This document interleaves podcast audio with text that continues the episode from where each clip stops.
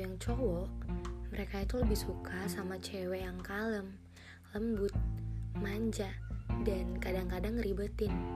Karena katanya dia bakal kelihatan lebih maco dan ngerasa lebih berguna aja buat tuh cewek.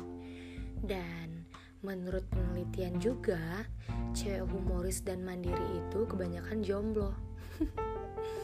Jadi, buat kalian cewek-cewek humoris, bobrok, malu-maluin, plus apa-apa selalu dikerjain sendiri, sampai sini tahu kan ya, kenapa nggak ada cowok yang deketin kalian.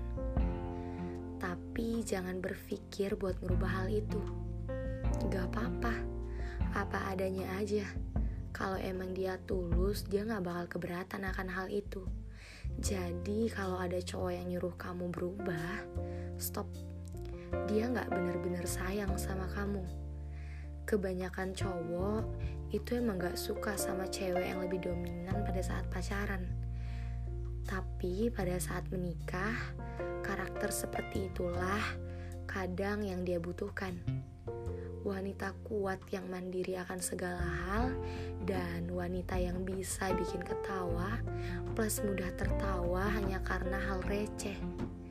Dan buat cowok-cowok, cewek yang mandiri dan humoris itu sebenarnya juga bisa jadi cewek manja dan kalem kok kalau lagi sama orang yang disayang.